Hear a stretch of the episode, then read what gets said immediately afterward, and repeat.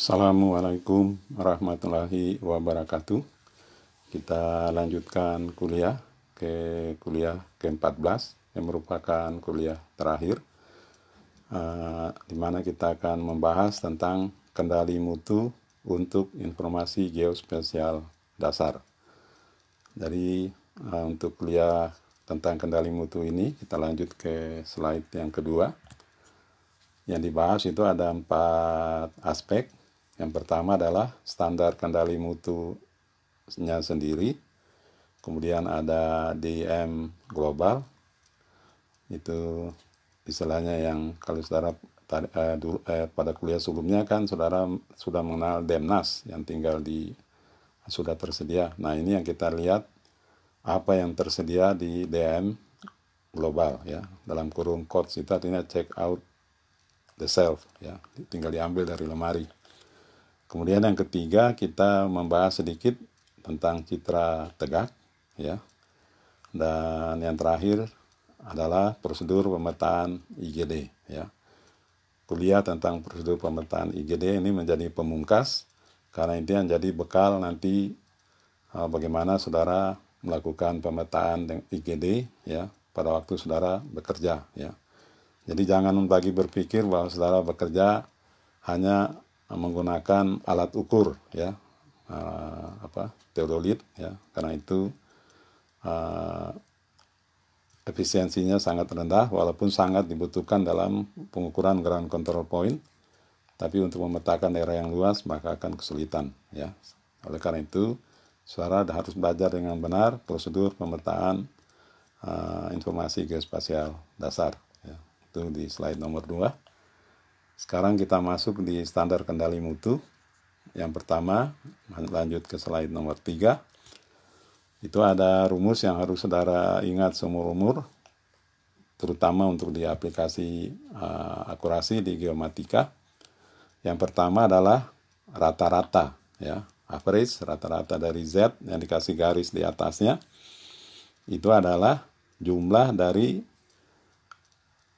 uh, delta ZI ya. Delta ZI ini adalah maksudnya selisih antara uh, ground check ground control point atau checkpoint dengan hasil DM saudara ya. Hasil DM saudara titik tertentu dibandingkan selisihnya ya.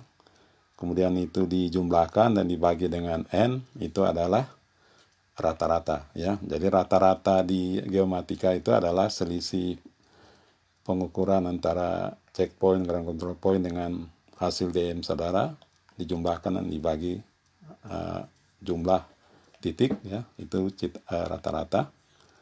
Kemudian yang berikutnya nomor dua yang harus saudara ingat adalah standar deviasi ya standar deviasi ala geomatika itu adalah akar dari jumlah selisih delta z ya dikurangi rata-rata z ya data Z itu sudah lihat rumus yang pertama tadi di atas dikuadratkan dijumlahkan kemudian dibagi n minus 1 oke jelas ya clear. Saya kira nggak perlu diterangkan lebih jauh.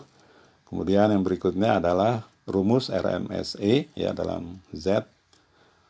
Bisa X bisa Y ini kita contohkan Z. Itu adalah jumlah dari kuadrat nilai selisih delta Z ya dikuadratkan dan dijumlahkan kemudian dibagi dengan jumlah titik ya. Itu tiga rumus ini jadi dasar saudara dalam bekerja untuk uh, akurasi ya maupun dalam standar kendali uh, mutu ya. Kita lanjutkan ya dengan slide yang ke berikutnya adalah slide ke 4 Ya, di slide keempat, saudara lihat apa yang disebut secara statistik fungsi distribusi normal. Ya, jadi yang di tengah itu adalah nilai tengah ya atau rata-rata. Kemudian yang di sebelah kiri dan kanannya itu adalah sebaran titik ya. Itu dari statistik ya. Digunakan dalam geomatika juga. Nah kita lanjutkan. Kenapa kita perlu di slide nomor 5 ya tadi nomor 4 sekarang kita slide nomor 5 hubungan antara confidence level dengan uh, kurva tadi ya, kurva distribusi normal. Dan uh, sigma itu adalah standar deviasi ya. Jadi kalau di National Mapping Accuracy Standard ya, itu tahun 47 itu menggunakan confidence level 90%, maka dia berada di kurva distribusi adalah nilai poinnya itu berada antara di antara 1,645 dari nilai standar deviasi ya. Kiri kanan itu kan 90% itu 1,645 kali standar deviasi ya. Sementara ARMSE untuk NSSDE maupun ASPRS itu menggunakan 95% dari uh, confidence level ya 90% confidence level itu sama dengan 1,960 dari kali uh, standar deviasi ya. Jadi ini hubungan antara standar deviasi dengan uh, confidence level ya. Jadi confidence level ini cara pakrisnya kan minimum uh, titik yang dicek itu harus jumlahnya 20 ya. Paling minimum di segala skala minimum 20 titik ya. Jadi kalau confidence level 90% Berarti 90% dikali 20 berarti 18 titik harus masuk dalam standar. Kemudian hanya dua titik yang uh, melenceng dari standar. Ya, itu kalau 90%. Tapi kalau dia confidence level 95%, berarti 19 titik harus berada di dalam standar. Ya, hanya satu titik yang boleh berada di luar. Ya, jadi saudara bisa lihat dibandingkan dengan NMAS tahun 47 NSSDA maupun SPRS itu sudah jauh lebih ketat ya. Karena dari 20 titik hanya satu titik yang boleh uh, keluar sedangkan NMAS dua titik boleh keluar kalau menggunakan patokan 20 uh, titik ya. Itu hubungan praktisnya.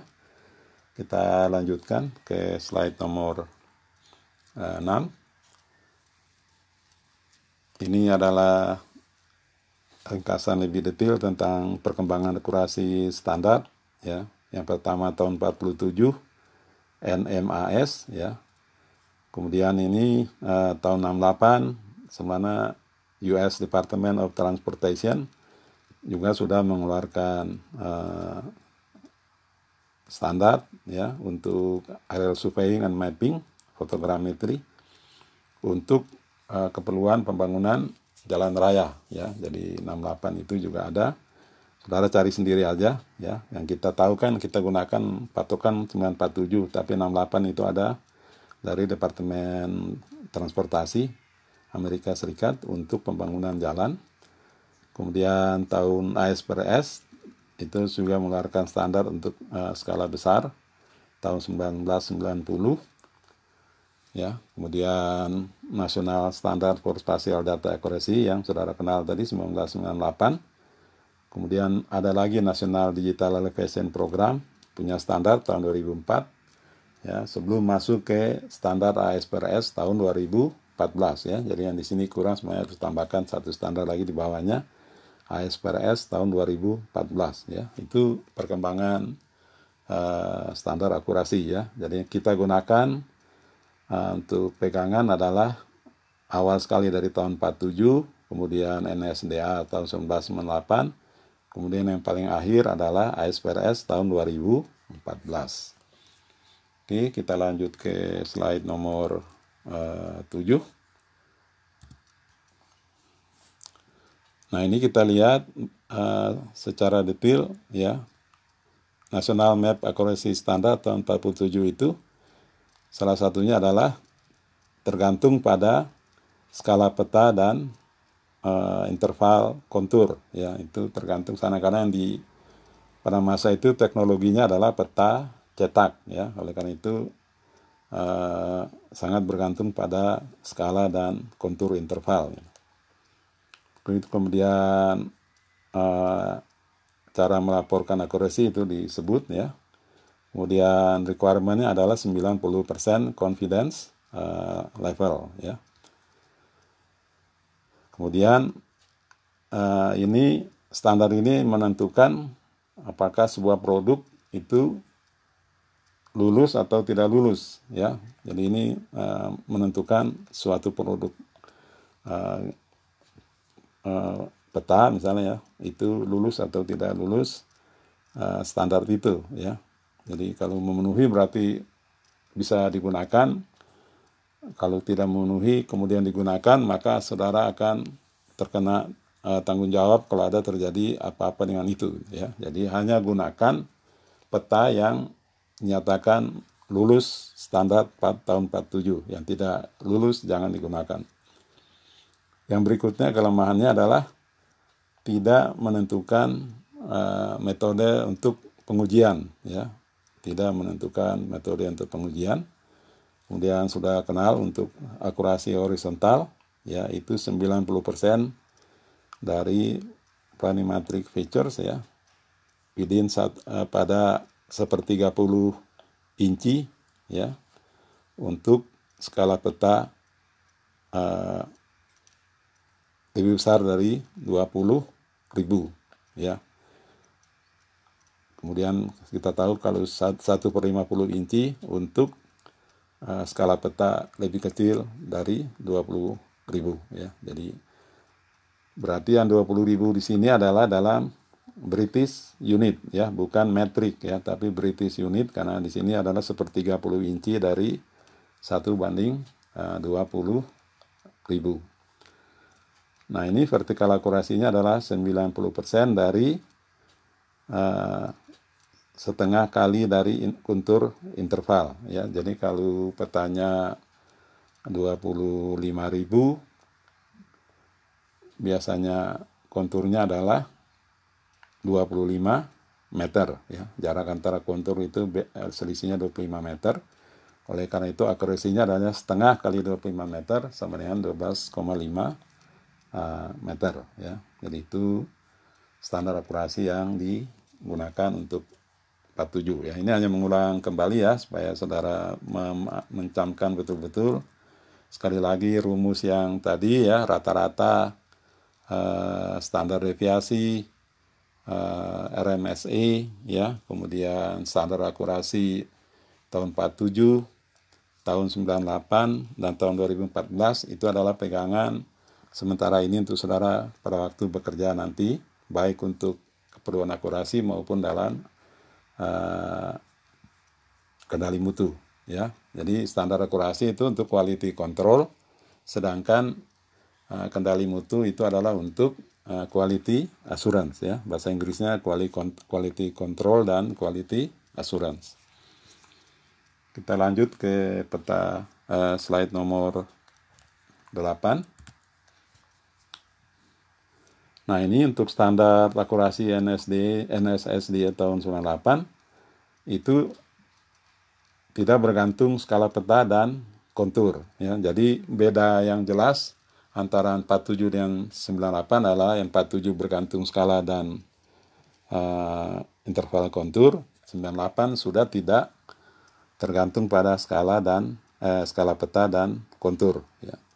Kemudian yang perbedaan yang lainnya adalah confidence levelnya 95 persen. Ya. Kemudian ada prosedur untuk pengujian. Ya. Kalau yang 47 tidak ada prosedur pengujian, di NSDA sudah ada prosedur uh, pengujian ya. Cuma ini yang berikutnya ada yang diberi warna merah itu tidak menentukan suatu produk lulus atau tidak lulus ya, tapi diserahkan kepada uh, pemakai ya. Jadi pemakai sendiri yang harus mempertimbangkan apakah dengan nilai uh, akurasi tersebut dia bisa pakai atau tidak ya. Tapi sekarang tanggung jawabnya ada di pemakai ya. Sekali lagi saudara nanti bekerja dalam menggunakan produk geomatika, saudara harus berhati-hati ya sekali lagi karena ada undang-undang yang bisa mengancam saudara dengan sanksi pidana. Kemudian yang berikutnya dia me, me, apa namanya menentukan cara uh, pengujian ya. Ini kemudian di bawahnya cara menyatakan uh, akurasi untuk testing ya, kemudian akurasi reporting untuk uh, prosedur ya. Itu yang di tahun 98 ya. Di slide nomor 8 kita lanjut ke slide berikutnya slide nomor 9 ya. Ini checkpoint ya. Jadi checkpoint dipakai untuk uh, quality assurance ya. Artinya untuk kendali mutu. Kalau ground control point dipakai untuk quality control ya. Untuk quality control memperbaiki produk saudara gitu. Tapi kan di lapangan kita mengukur sekaligus ya. Jadi di lapangan kita juga mengambil baik untuk titik pengukuran untuk ground control point maupun juga sudah kita merencanakan untuk mengambil check point ya. Nah ini hanya mengulang kembali ya waktu yang kuliah sebelumnya kita memberi contoh di drone.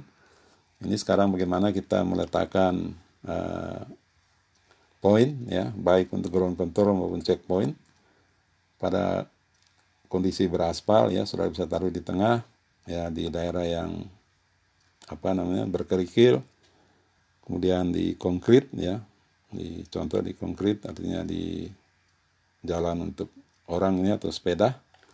Ini kalau daerah berumput kiri bawah. Kemudian ini kalau daerah yang rumputnya tinggi ya sampai di antara uh, pepohonan ya belukar. Ditempatkannya contohnya demikian itu jadi kita sudah pertama kali memahami tentang uh, kendali mutu. Uh, Nanti kita bahas lagi bagaimana kendali mutu itu pada waktu kita melaksanakan uh, proyek pemetaan ya untuk IGD ya di uh, yang kita bahas pada akhir kuliah kita nanti. Nah, kita lanjut ke slide yang berikutnya yaitu slide nomor 10 ya.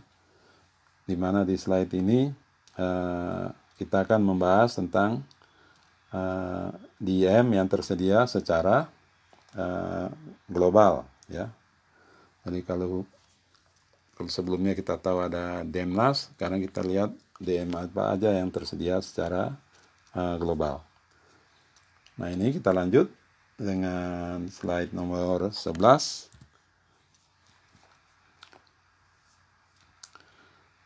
Nah ini untuk datum ya kita kenal itu yang biasa digunakan adalah ellipsoid WGS tahun 1984 jadi saudara harus cek DM-nya itu ellipsoidnya apa datumnya datum horizontalnya apa.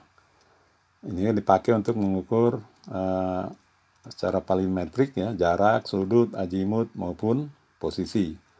Kemudian kita juga mengenal datum vertikal yaitu geoid ya. Di sini menggunakan EGM tahun 96 Saudara tahu bahwa Demnas itu bukan menggunakan EGM 96 tapi menggunakan EGM 2008 ya. Jadi kalau saudara membeli uh, eh, DM global masih menggunakan EGM 96 maka ada harus saudara melakukan lagi konversi dari EGM 96 ke EGM 2008 ya. Di Demnas itu ditentukan uh, softwarenya apa dan bagaimana cara mengkonversi dari GeoID 96 ke GeoID 2008 ya.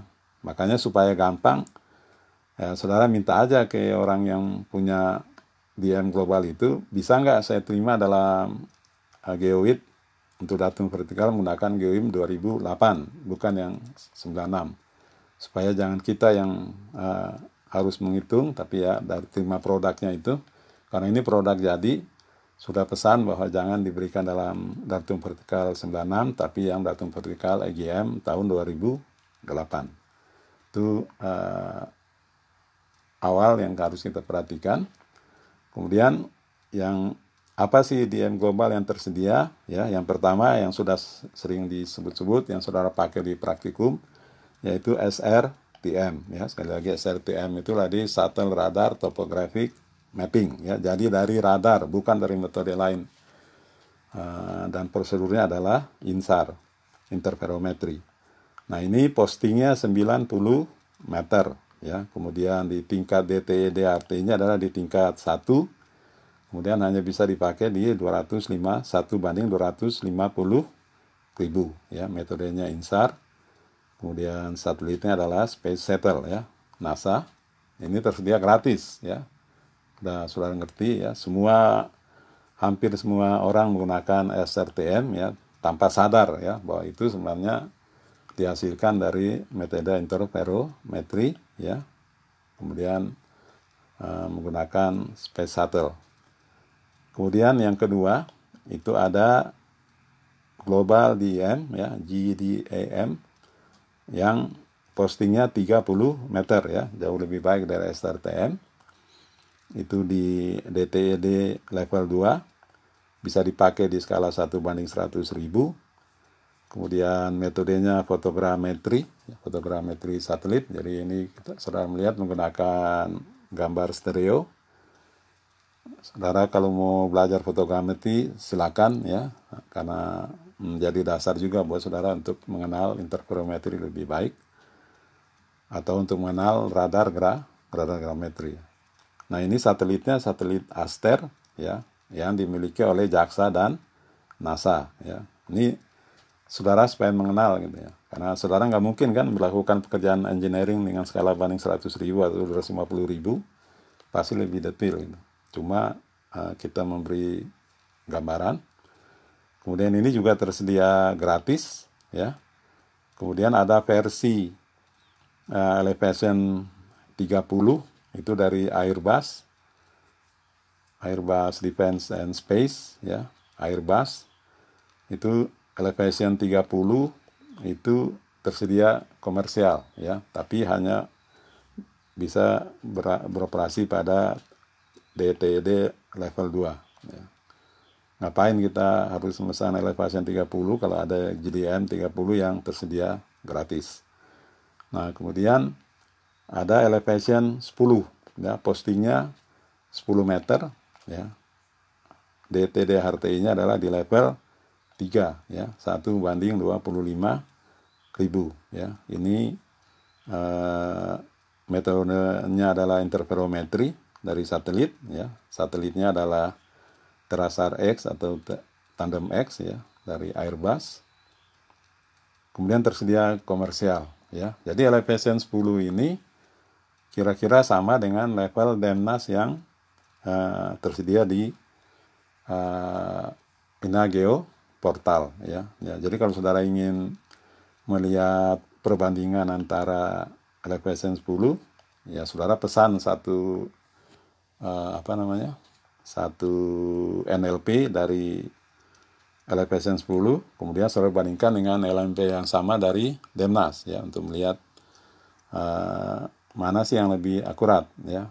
Kalau saya sih pasti yang Demnas lebih akurat karena banyak informasi dari mass point uh, dan uh, break line ya. Mass point break line dan spot height ya. Ada banyak informasi dari DTM sementara elevation 10 hanya pengukuran secara global. Nah, kalau ingin bisa dibandingkan gitu. Nah, sekarang dia tersedia komersial ya. Padahal saudara bisa mengakses Demnas dengan tingkatan DTD 3 juga sudah tersedia gratis ya. Nah, yang terakhir ya, kita lihat ada namanya Advanced Elevation Service atau disingkat AES ya. Ini postingnya 5 meter ya. Jadi DTAD-nya udah di tingkat 4 ya belum di tingkat 5 tapi di tingkat 4 dan skalanya adalah satu banding 10.000 ini juga metodenya fotogrametri ya menggunakan stereo. Kemudian satelitnya adalah satelit digital globe ya. Jadi kalau saudara belum kenal apa itu satelit digital globe ya bisa saudara berhenti sebentar dari kuliah ini mendengarkan dari podcast kemudian saudara cari aja di internet ya. Zaman saudara sekarang kan gampang tinggal ketik digital globe di bah Google maka akan keluar apa itu digital globe ya satelitnya. Nah itu juga satelit Amerika Serikat tapi tersedianya uh, eh, IS ini adalah komersial ya. Komersial harus bayar. Nah ini diberi kurung angka biru eh dalam lingkar eh, kotak biru ini ya. Karena akan kita menggunakan ini sebagai sampel ya. Artinya tersedia secara global kemudian skalanya satu banding sepuluh ribu sudah mendekati dengan uh, dalam bidang engineering kita menggunakan skala besar. Uh, jadi nanti kita akan menggunakan dalam uh, contoh ya.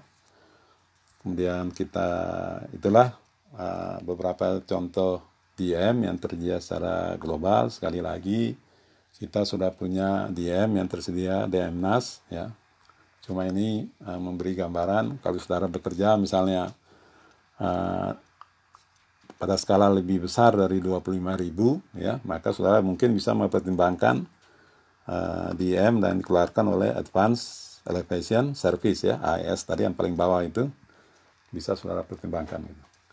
Kita lanjutkan ke slide nomor 12 nah ini untuk elevation 10 ya bukan AES ya ini elevation 10 uh, yang level 3 tadi ya itu DSM di sebelah kiri. Nah, kemudian ada DSM yang di sebelah kanan dan kiri yang kanan ini ada uh, perubahan ya. Jadi yang kanan sudah diortokan, diortokan artinya bukan diortokan ya, tapi di uh, disesuaikan elevasinya dengan uh, ortometri ya. Ortometri itu adalah mengikuti standar ketinggian. Jadi ada DSM kiri dan DSM kanan. Kemudian ada DTM ya yang sudah surface-nya dihilangkan, ya tinggal yang di atas permukaan tanah ya. Jadi kalau saudara di Demnas, saudara mengenal DSM ya, DSM yang nomor dua dari kiri ini itu yang dikeluarkan oleh uh, Demnas. DSM-nya berasal dari uh, in, proses interferometri dari uh, IFSAR, Terasar X, dan ALOS ya. Sudah ingat itu DSM-nya dikeluarkan uh, standar itu. Kemudian ada DTM ya. DTM itu pada Demnas adalah yang berasal dari uh, mass point uh, spot height maupun dari uh, uh, break line ya itu yang kita tahu ya. Kemudian ada ori ya. Ori ini yang sudah kita berikan di kuliah ya. Jadi minimum kalau saudara lihat ya maka di elevation 10 saudara bisa mesan ori kemudian saudara bisa mesan DTM ya. DTM itu karena uh, lebih baik DTM daripada saudara menggunakan DS DSM ya. Karena DSM masih mengikuti permukaan topografi uh, kanopi pohon ya gedung Sementara ini DTM dianggap sudah dibersihkan dari objek di atas permukaan bumi ya. Jadi istilahnya elevation 10 kita menggunakan DTM dan uh, ORI kalau kita memerlukan ya. ORI itu karena apa? Karena nanti ORI ini yang di overlay di atas uh, DTM ya di software kita. Kemudian nanti kita bisa mencari objek-objek ini untuk mengukur mencek akurasi dari elevation 10 ya. Jadi saudara nggak mungkin mencek uh, akurasi DTM hanya menggunakan DTM ya. Pasti akan menggunakan gabungan DTM dengan ORI ya. Jadi sekali lagi untuk mencek saudara harus menggunakan DTM dan ORI. Bukan citra radar biasa tapi citra radar yang sudah di ortho rectification menjadi citra radar ORI. Saya ulangi itu supaya saudara memahami dengan uh, baik ya Oke, itu untuk saudara melihat perbandingannya untuk elevation 10. Kemudian kita lanjut ya. Kita lanjut di slide nomor 13. Di sini saudara bisa melihat uh, eh, IS ya, Advanced Elevation Series ya, di mana di IS ini uh, dia mempunyai tiga produk uh, eh, DM. Yang pertama yang paling kiri adalah Mapping Elevation product ya. Mapping elevation product. Kemudian yang di tengah itu adalah precision elevation product. Kemudian yang paling kanan adalah very high precision elevation product ya. Kemudian uraiannya adalah kalau mapping elevation product dia punya variasi ada dua variasi ada yang uncontrolled DSM sama uncontrolled uh, eh, DTM ya karena namanya uncontrol jangan digunakan ya kecuali kalau sarannya melihat ingin melihat sekilas ya untuk melihat berapa jauh kualitas uh, eh, AES mungkin saudara bisa pesan ya, tapi jangan digunakan dalam pekerjaan. Kemudian di sebelah kanannya adalah precision elevation product. Itu adalah kontrol DSM dan kontrol DTM ya. Jadi yang precision ini tentu jauh lebih baik daripada mapping elevation product ya. Kemudian makin ke kanan kan jauh makin lebih baik karena dia very high precision DSM dan very high precision DTM ya. Oke, jadi kalau di engineering kita pakai yang very high precision uh, eh, DTM ya. Nah, dari tiga kelompok uh, produk ini ya, maka kita akan melihat spesifikasi ya. Di bawah itu diberikan spesifikasi ya dari pro, untuk pro, akurasi produk yang pertama yang tergolong mapping tadi yang uncontrol sama DSM sama DTM itu di bawah mapping. Kemudian yang disebut sebagai precision itu untuk kontrol DSM maupun DTM. Sedangkan very high precision itu untuk uh, very high precision DSM maupun DTM. Oke ya, jadi mengikuti dari tiga grup kategori tadi kita lihat akurasinya masing-masing. Untuk mapping itu akurasinya 8 meter ya, sedangkan precision itu 4 meter. Kemudian very high precision 2 meter ya.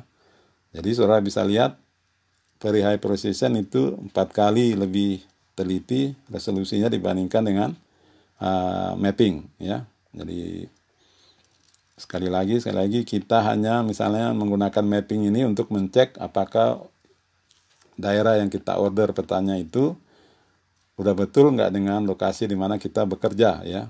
Nah tapi itu hanya untuk minta kemungkinan kita hanya menggunakan yang kontrol DSM ya yang paling murah.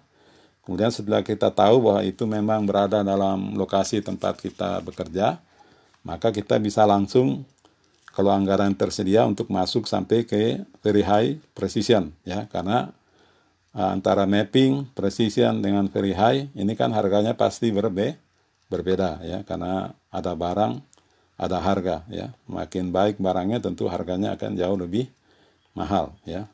Dan ini juga tergantung dengan uh, jenis pekerjaan yang akan saudara lakukan ya. Kalau bisa dilakukan dengan resolusi 4 meter kenapa harus saudara lakukan sampai 2 meter? Ya cukup saudara order uh, kontrol precision dengan kontrol DTM pada 4 4 meter resolusinya gitu. Nah kemudian di bawahnya ya ada absolut vertikal itu LE 90 derajat ya. Ada relatif ada absolut saya tahu apa beda relatif dan absolut sekarang untuk vertikal LE 90 ya. Jadi ini menggunakan standar uh, National Accuracy Mapping Standard ya tahun 47 ya karena dibikin dalam LE 90 linear 90 itu untuk mapping 8 meter ya untuk precision 4 meter untuk very high 2 meter ya. Jadi uh, ini uh, untuk absolute vertikal ya dan absolut horizontal ya sirkular 90 persen.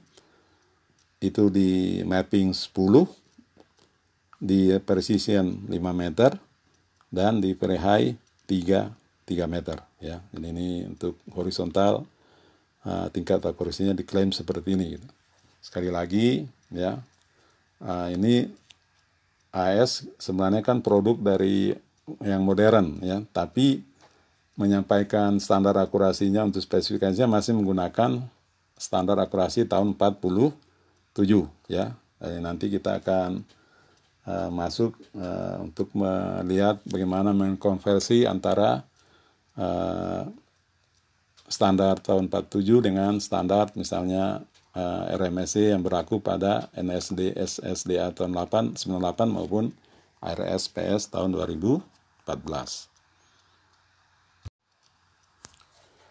Sebelum kita lanjut ke slide berikutnya, ya, saya anjurkan saudara untuk masuk ke Digital Globe, ya, websitenya Digital Globe.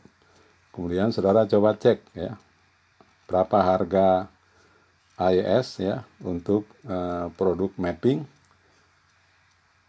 maupun precision dan very high precision, ya. Saudara coba masuk ke uh, Digital Globe websitenya dan kemudian coba cek uh, perbandingan harga antara ketiga produk uh, DM dari digital globe tersebut ya.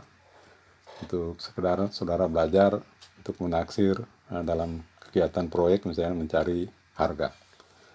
Kita lanjut dengan slide berikutnya. Itu slide nomor 14 ya. Sekarang kita akan masuk ke citra tegak ya atau foto tegak ortofoto. Nah ini saya kira uh, sebelum juga sudah disinggung tentang ortofoto kemudian saudara juga sudah uh, mencoba menurunkan orto radar image ya. Itu nanti uh, data alusnya sudah minta ya. Data alus 2007 untuk operasi orto radar image. Saudara minta di lab. Tapi saudara sudah mengenal apa tersebut uh, citra tegak ya. Ortofoto atau orto image ya kita lanjut ke slide berikutnya ya di slide nomor 15.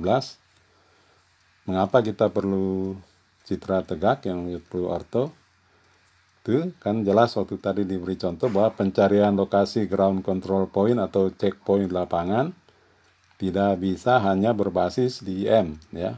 Karena kita juga memerlukan bantuan di atasnya di overlay dengan citra foto ya atau citra atau foto yang dia play di atas DM baru saudara bisa ke lokasi untuk mencari di mana titik tersebut berada ya. Tanpa overlay uh, auto foto di atas DM maka saudara akan kesukaran uh, menemukan lokasi tersebut ya. Jadi sekali lagi DM dan orto itu satu paket ya. Saudara nggak akan bisa uh, hanya DM saja karena nanti kesulitan mencari posisi di lapangan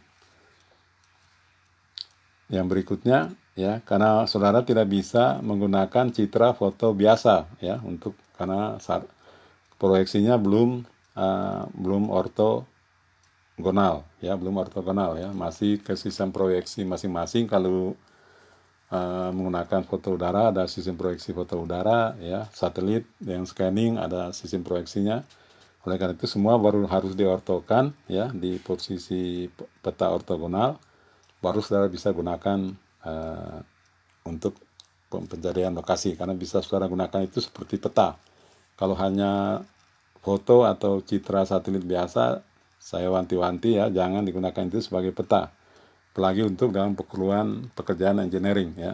Jadi kalau sudah buka-buka Google Map ya Google Satellite itu ya itu jangan saudara anggap saudara bisa pakai itu untuk keperluan engineering ya karena masih banyak uh, kesalahan ya. Sementara kita di engineering kita memerlukan akurasi yang tinggi ya.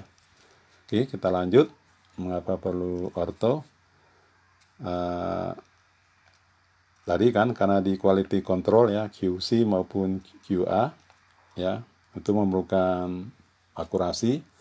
Di mana akurasi itu akan bisa kita uji kalau kita menggunakan DM ditambah dengan citra tegak ya. Diulang lagi untuk quality control maupun uh, quality assurance ya.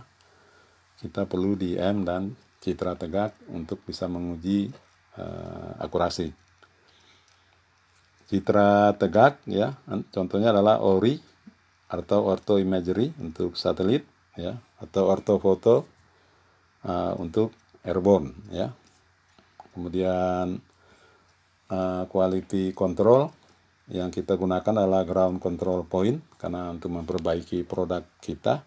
Sedangkan quality assurance yang kita gunakan adalah check point ya, CP dan GCP. Itu bedanya GCP untuk quality control, sedangkan checkpoint CP itu untuk quality assurance ya. Tapi pada waktu kita melakukan kegiatan ke lapangan, yang kita kumpulkan itu baik GCP maupun uh, CP ya. Sekaligus ya. Saudara nggak bisa ke lapangan pertama untuk ground control point kemudian yang kedua untuk checkpoint. Tapi itu lakukan sekaligus pada waktu di lapangan langsung melakukan pengukuran baik untuk ground control maupun uh, checkpoint ya.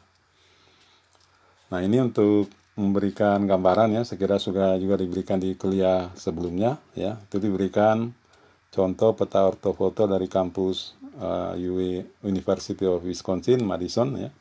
Sekali lagi kita uh, supaya mengenal sejarah kampus ini di, didesain oleh dengan kerjasama dengan University of Wisconsin uh, Madison ya. Itu hubungan antara IPB dengan Madison. Kampus kita dibangun dan didesain oleh uh, University of Wisconsin uh, Madison.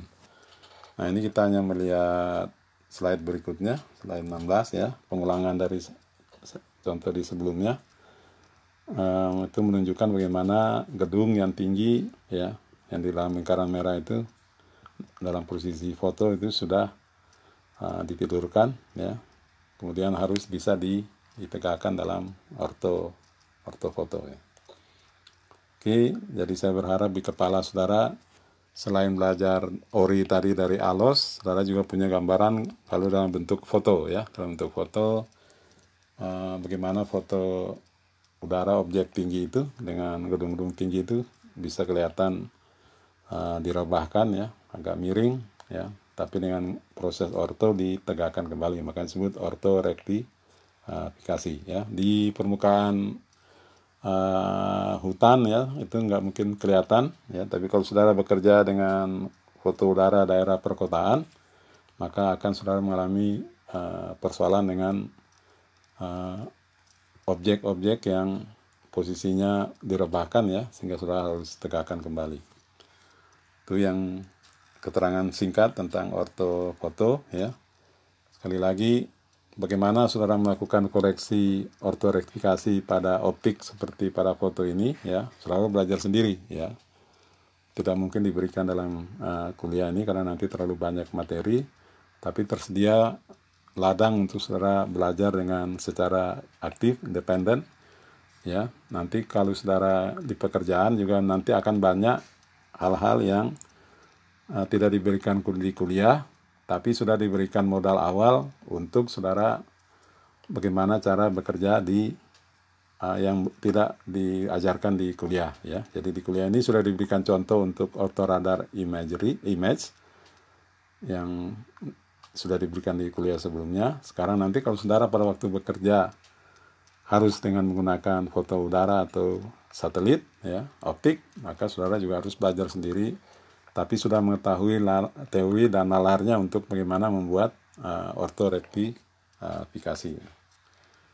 Oke, kita lanjut ke slide yang berikutnya, itu ke slide ke 17. Nah, kita sekarang masuk ke uh, bagaimana kita melakukan prosedur untuk pemetaan informasi geospasial dasar, ya. Jadi prosedur yang diberikan di sini adalah hanya dalam bentuk garis besar ya. Nah, sekali lagi dalam bentuk garis besar karena nanti masing-masing uh, jenis elektromagnetik spektrum yang saudara gunakan, misalnya saudara menggunakan lidar, lain lagi prosesnya, tapi uh, benang merahnya diberikan di sini ya. Foto udara saudara lain lagi ya. Uh, sekali lagi itu tergantung variasi sensor yang harus saudara gunakan tapi intinya benang merahnya diberikan uh, dalam prosedur pemetaan dalam kuliah ini ya. Kita lanjut ya. Sekarang kita sudah masuk topik terakhir dari kuliah ke-14 yaitu prosedur pemetaan. Kita lanjut ke slide 18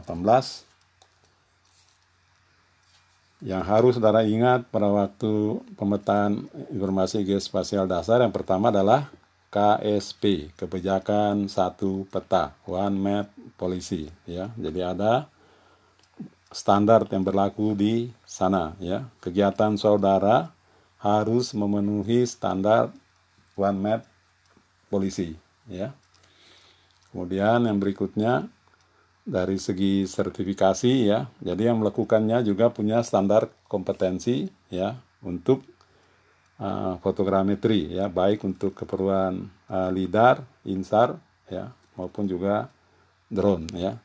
Sekali lagi kalau saudara nggak punya sertifikat kompetensi jangan lakukan sendiri tapi bisa di alidaya outsourcing dengan menggunakan pihak ketiga ya. Sekali lagi tidak punya sertifikat saudara jangan lakukan karena itu nanti uh, hasil saudara akan ditolak ya berdasarkan standar uh, kebijakan satu peta harus dilakukan oleh orang yang memiliki uh, sertifikat ya.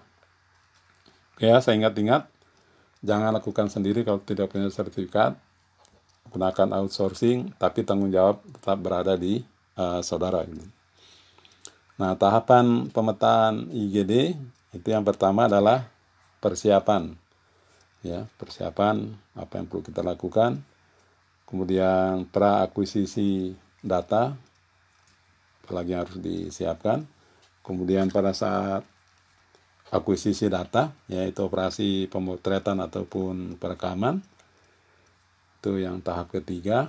Kemudian pada tahap berikutnya adalah pengolahan. Tahap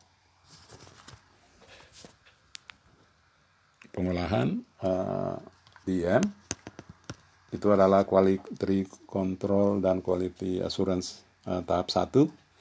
Kemudian kita lanjutkan ke berikutnya adalah pengolahan uh, citra tegak ya. Bagaimana kita menghasilkan citra tegak itu quality control dan quality assurance. 2 kemudian yang terakhir adalah finalisasi akhir itu dalam bentuk laporan dan produk ya. Laporannya sendiri secara tertulis kemudian ada uh, produk apa yang harus disampaikan uh, ya. Di sini produknya bisa untuk IGD adalah DM dan citra tegak ya. Karena DM dan citra tegak maka kita akan memerlukan quality control dan quality assurance uh, tahap tiga ya. Jadi tiga kali kita quality control dan quality assurance. Pertama pada saat pengolahan kedua pada saat pengolahan eh, pada pengolahan DM ya kemudian kedua pada pengolahan citra tegak kemudian pada uh, penalisasi produk akhir tiga lapis yang harus kita lakukan untuk uh, kendali uh, mutu. Kita lanjutkan ke slide berikutnya. Itu adalah slide nomor 19. Nah ini uh, ini yang terkait dengan standar ya. Jadi sasaran akurasi data digital sekali lagi yang kita produksi sekarang informasi geospasial dasar dalam bentuk digital ya. Oleh karena itu kita menggunakan standar dari ASPRS tahun 2014 ya untuk melihat uh, root mean square error dan ground separation distance ya GSD uh, resolusinya istilah GSD ya ground separation distance. Kemudian errornya dalam RMSE Nah ini berdasarkan ASPRS uh, 2014 maka kita menggunakan untuk akurasi horizontal ya. Kita menggunakan tiga tabel dari ASPRS 2014 perhatikan ya. Tabel B6 tabel B4 dan tabel B3 ya jadi saudara harus bawa itu dokumen nomor 3 ya dari standar akurasi ASPRS yang sudah saudara download dari LMS Kemudian untuk vertikal sudah menggunakan dua tabel yaitu B7 dan B8 ya. Jadi sekali lagi horizontal dimulai dari B6 kemudian mundur ke B4 dan B3 sementara untuk vertikal sudah menggunakan dua tabel B7 dan B8. Kita lanjut ke slide berikutnya. Slide ke-20. Ya, ini adalah tabel B B6 ya. Saudara perhatikan aja di sana ya, tabel B6. Uh, lihat judulnya di atas ya. Ini untuk uh, horizontal ya, untuk kalkulasi horizontal. Tabel B6 saudara bandingkan aja dengan di dokumen saudara. Ini maksud B6 ini ada tabel ini. Ya. Kemudian untuk vertikal kita menggunakan tabel B7 ya. Tabel B7 saudara lihat ini uh, uh, tabelnya ya. Nah, sekarang kita akan melihat uh, bagaimana tabel B6 B7 ini kita aplikasikan misalnya pada uh, DM dari DM global ya. Kita lanjut ke berikutnya di slide nomor 22. Nah, ini contoh dari DM dari Advanced Elevation Service ya di kategori mapping ya. Jadi kita lihat yang di tabel yang di sebelah atas ya, yang dikasih kotak merah itu itu adalah yang uh, produk yang akan kita lihat uh, uh, perbandingannya ya itu produk mapping itu kan spesifikasinya ada di tabel di bawah yang juga diberikan uh, diberi kotak pada uh, nama mapping. Kemudian diberi anak panah di bawah ya. Absolut vertikalnya untuk linear 90 adalah 8 meter. Kemudian horizontal circular error 90 adalah 10 meter ya. Nah itu yang akan kita uh, melihat ya. Bagaimana kita mengkonversi dari uh, standar uh, National Mapping Accuracy Standard tanpa tujuh itu ke uh, RMSE ya dari uh, standar 98 dan 2014 ya. Sekali lagi ini contoh kita mengambil contoh uh, DM dari AES ya untuk kategori mapping. Kemudian kita akan menggunakan uh, absolute akurasi vertikal 8 meter dengan absolute uh, uh, akurasi horizontal ya 10 meter diberi anak panah ya. Perhatikan ya dengan jelas apa yang saya maksudkan. Kemudian kita coba melihat uh, bagaimana menghitungnya. Ini kan diklaim pada level uh, DTD 3 ya atau skala 1 banding 25 ribu. Ya. lanjut ke slide berikutnya slide yang ke 23 di sini saudara melihat bagaimana kita mengkonversi dari uh, N, N, N, National Mapping Accuracy Standard yang diberikan dalam uh, spesifikasi IS ya ke RMSE dari NSSDA maupun ASPRS. Ya. Nah kita lihat pertama kali bahwa AES itu mengklaim DTD-nya adalah tingkat 3 ya. Jadi digunakan untuk satu kali satu banding 25.000 skala 1 banding 25 ribu itu berarti skalanya itu lebih kecil dari 1 banding 20 ribu ya dari yang diberikan di uh, National Mapping Accuracy ya. Maka yang kita gunakan adalah seper 50 ya bukan seper 30 karena seper 30 itu untuk yang lebih besar dari 1 banding 20 ribu karena kita lebih kecil skalanya 1 banding 25 ribu maka kita menggunakan uh, 1, 5, 1 per 50 inch ya.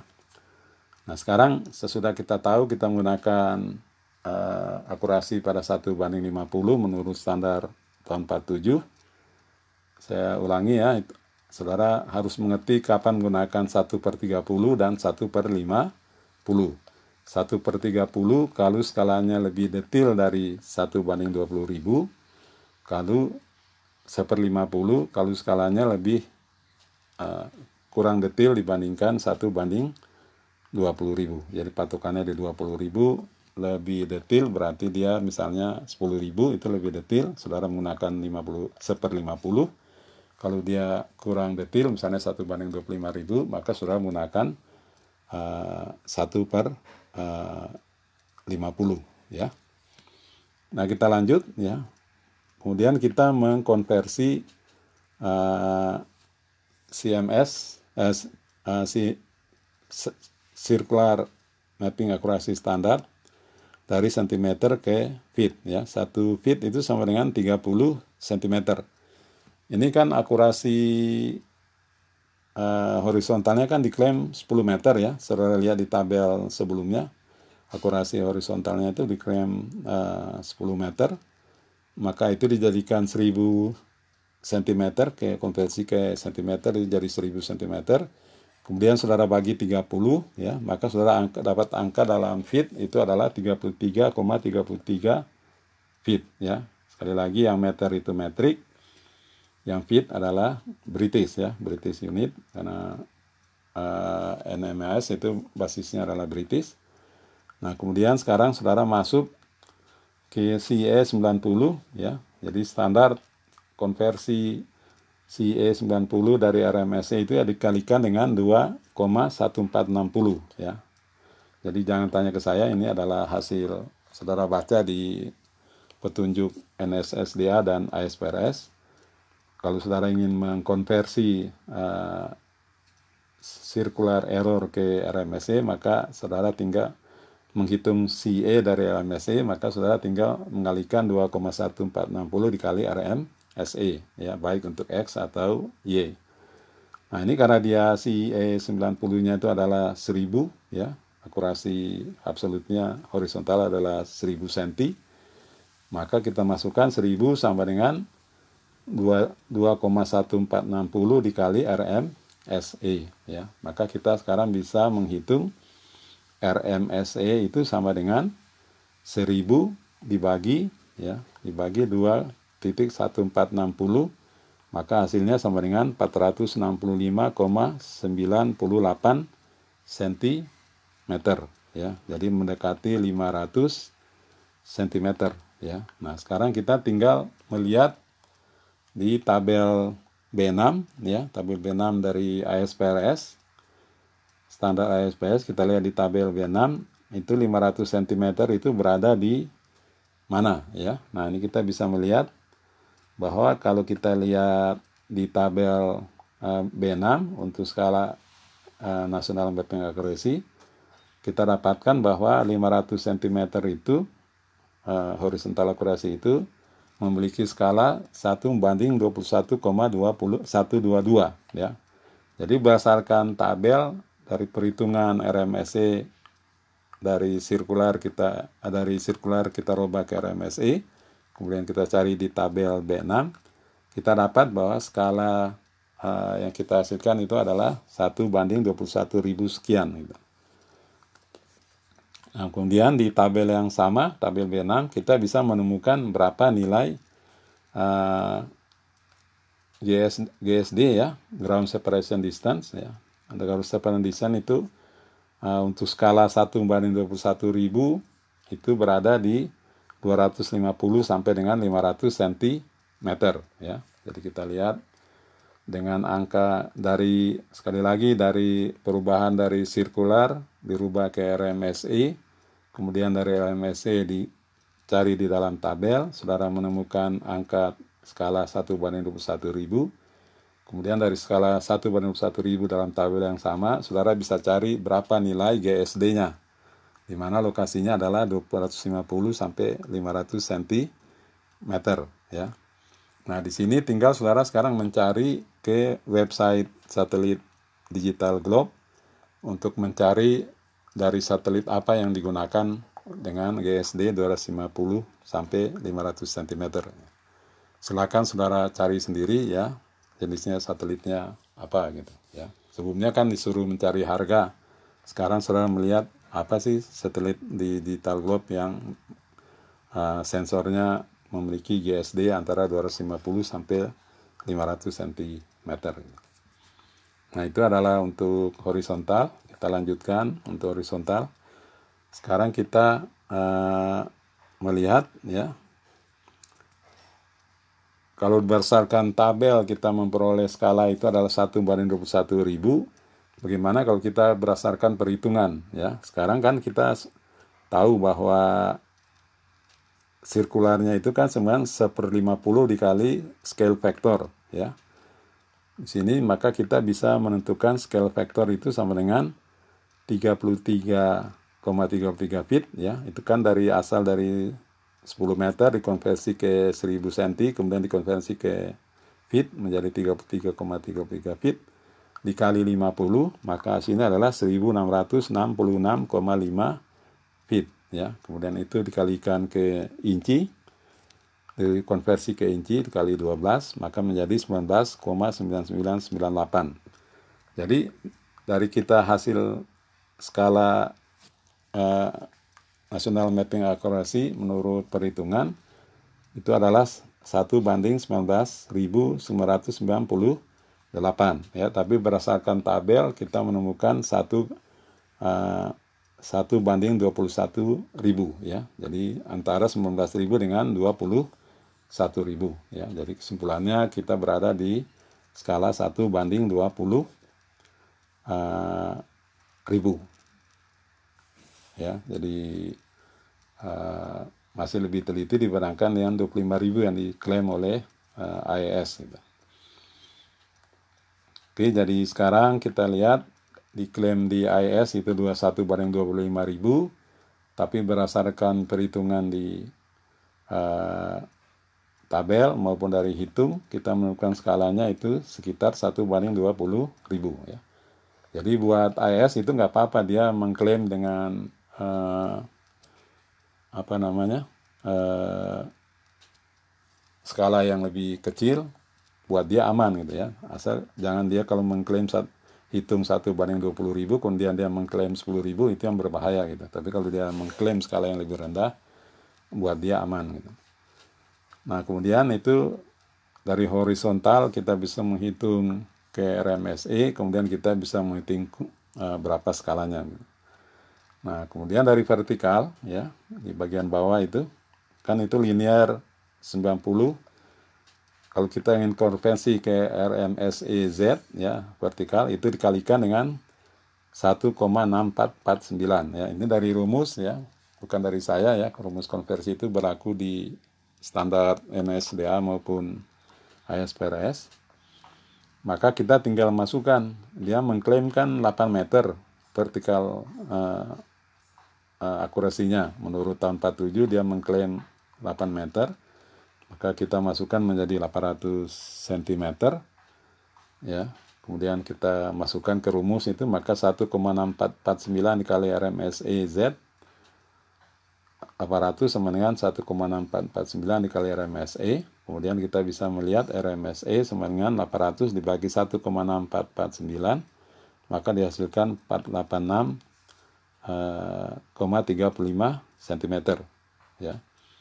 Kemudian karena uh, vertikal mapping akurasi itu adalah setengah kali kontur interval, maka saudara tinggal masukkan bahwa kontur interval semuanya dua kali dari 486,35 cm itu semuanya 9727,70 cm ya atau sama dengan 9,72 meter ya. Jadi itu mendekati ke 10 meter ya. Jadi uh, apa yang diklaim oleh AES itu ternyata saudara hitung betul ya. Jadi ini contoh bagaimana saudara menghitung dari NMAS ke RMSE ya. Nah, nanti banyak ada tempat lain misalnya di Demnas itu diberikan dalam Demnas itu kan uh, akurasinya diberikan dalam RMSE ya. Nah, itu saudara bisa cek dari RMSE itu berapa bisa dihitung dalam NMAS ya. Jadi panjang hidup saudara, saudara akan bekerja dengan antara konversi NMAS dengan NSSDA dan eh, eh, ASPRS ya, NMAS dengan NSSDA atau ASPRS ya. Itu yang akan menjadi eh, apa namanya? selalu di pikiran saudara dalam bekerja di uh, kegiatan dalam DM misalnya atau informasi geospasial uh, dasar.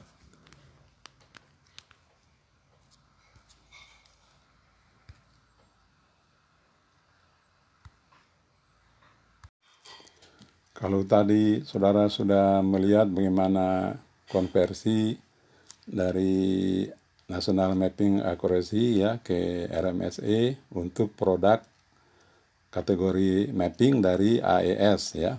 Maka kita lanjut ke slide berikutnya, slide ke-24. Ya.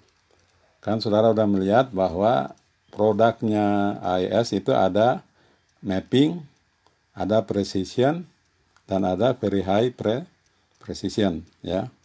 Masing-masing mempunyai spesifikasi yang berbeda. Ya. Yang tadi yang kita hitung di kategori mapping ya untuk absolut vertikal 8 meter dan absolut horizontal 10 meter ya itu dikonversi dari uh, eh, NMAS ke RMS E ya baik horizontal maupun vertikal nah sekarang kan yang belum kita konversikan untuk precision dan very high precision ya nah ini diberikan tugas ya kepada saudara untuk mengkonversi dari National Mapping Accuracy ya linear dan circular, uh, circular error itu ke RMSE. Ini untuk yang kelas hari Senin ya itu saudara mengerjakan uh, untuk kategori precision ya. Saya ulangi untuk kelas Senin saudara coba menghitung kelas precision untuk resolusi 4 meter ya. Sementara yang dari kelas Selasa itu saudara menghitung untuk produk very high pre precision ya. Resolusi 2 meter itu saudara hitung ya. Nanti sesudah hasil saudara uh, hitung RMSE baik yang kelas Senin maupun yang kelas Selasa ya. Itu kemudian dipertukarkan satu sama lain ya. Kemudian dibandingkan dengan uh, RMSE untuk mapping yang tadi sudah kita uraikan dalam kuliah ya. Jadi nanti saudara punya tabel dengan yang pertama tabel mapping untuk RMSE-nya, kemudian precision untuk RMSE-nya, dan very high uh, precision untuk RMSE-nya. Ya. Jadi dengan itu maka kita sekarang punya nilai RMSE untuk uh, produk DM dari IS baik dalam kategori mapping, precision maupun very high precision. Ya. Gunakan di slide sebelumnya supaya saudara bisa bagaimana mencoba sendiri mengkonversi dari uh, National Mapping Accuracy ke RMS E ya sekali lagi uh, itu yang akan saudara alami dalam pekerjaan saudara nanti ya. Bolak-balik antara NMAS dengan RMS E ya. NMS NMAS itu adalah circular error untuk horizontal dan linear error LE untuk uh, vertikal ya. Sementara di NSDA dan ASPRS kita hanya mengenal RMSE untuk XY dan RMS uh, Z untuk vertikal.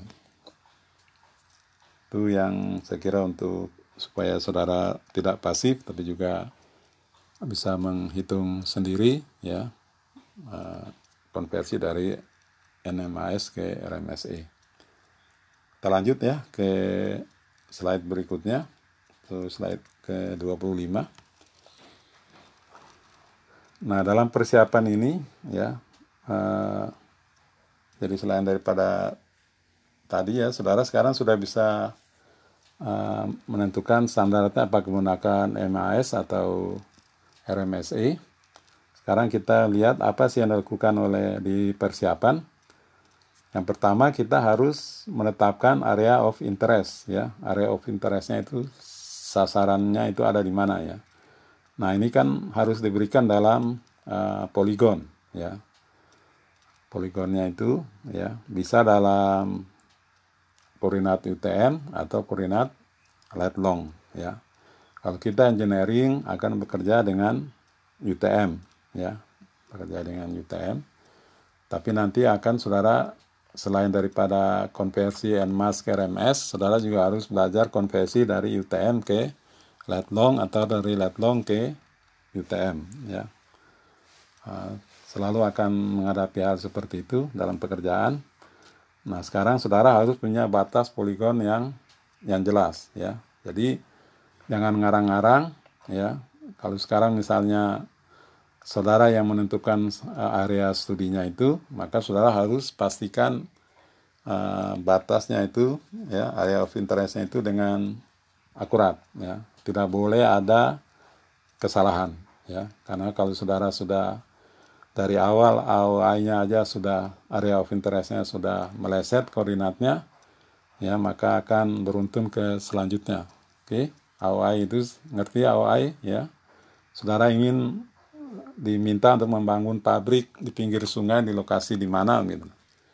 Ya, maka yang pertama datang ke sana itu adalah orang dari geomatika ya, menghitung dengan GPS, ukur ya, sehingga dia yakin bahwa di situlah lokasi dari pabrik yang akan dibangun ya. Sekali lagi tidak boleh salah ya. Karena bisa saudara bayangkan kalau seorang geomatikanya ini salah mengukur, mengukur koordinat, maka kemudian akan didatangkan alat berat ya segala macam pelabuhan dibangun dan segala macam tapi tiba-tiba akhirnya salah ya maka anda bisa perusahaan yang ada bekerja itu bisa didenda karena lokasinya tidak tepat ya dan Anda ada risiko Anda dipecat ya. Jadi wanti-wanti saya uh, sampaikan AOI itu ya harus diukur dengan tepat, batasnya juga harus jelas ya. Karena dari kalau itu sudah salah maka ke sananya semua akan salah gitu. Sesudah saudara punya AOI dengan poligon, poligon tahu ya, ya ada batas daerahnya, itu kemudian saudara menetapkan koordinat tengah dari AOI itu ya. Jadi dari poligon sekarang saudara mengambil di mana titik tengah dari poligon tersebut ya karena nanti dari sana saudara bisa uh, mencek di website dan mana-mana untuk men mencari daerah yang ingin saudara cover ya. Jadi kalau saudara sudah tahu titik tengah dari AOI saudara tersebut ya maka nanti saudara bisa menentukan nomor lembar petanya di mana nomor lembar peta saudara itu uh, lokasi saudara berada ya diturunkan dari 250.000 ke 100 50 25.000 10.000 5.000 sampai ke uh, eh, 2.500 dan 1.000 di mana saudara skala yang saudara gunakan.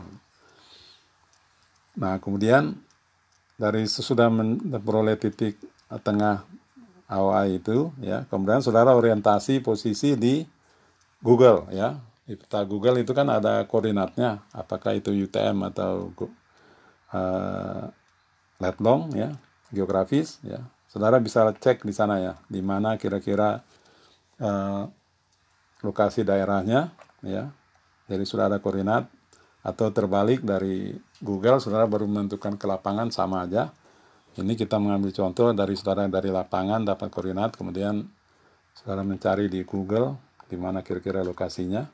Ya, nah, nanti dari sana baru saudara bisa mulai menduga-duga di mana nomor lembar peta ya menurut uh, standar 250 sampai ke uh, 1000. Nah, kemudian uh,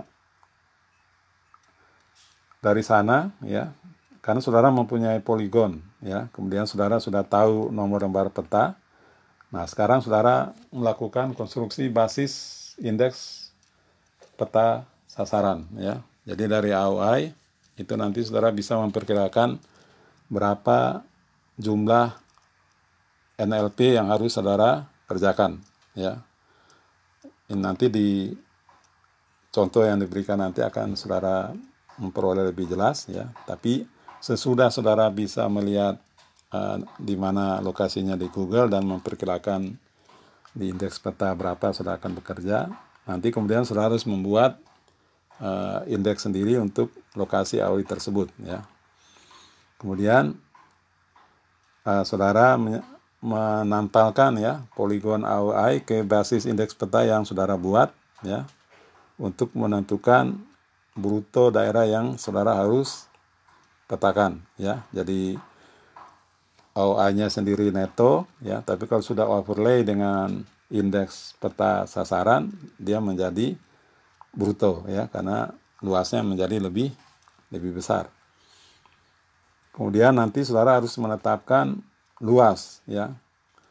Luas itu nanti akan berkaitan dengan biaya ya tapi juga berkaitan dengan standar menurut uh, kebijakan satu uh, peta ya. Nah, nanti kita lihat bagaimana prakteknya dalam uh, eh, AOI di daerah Mahulu ya.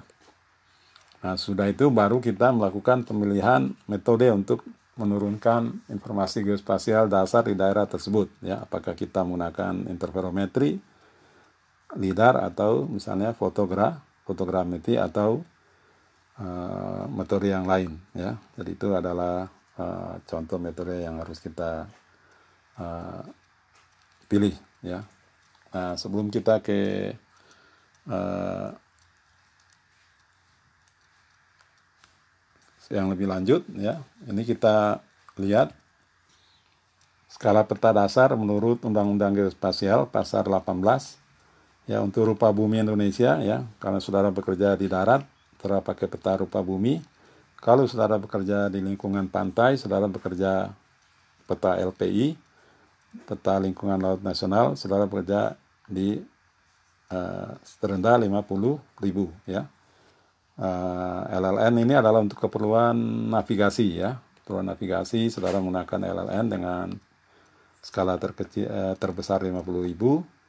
Kalau saudara bekerja untuk uh, offshore ya saudara ada peta lingkungan pantai Indonesia sampai peta skala terbesar 10 ribu.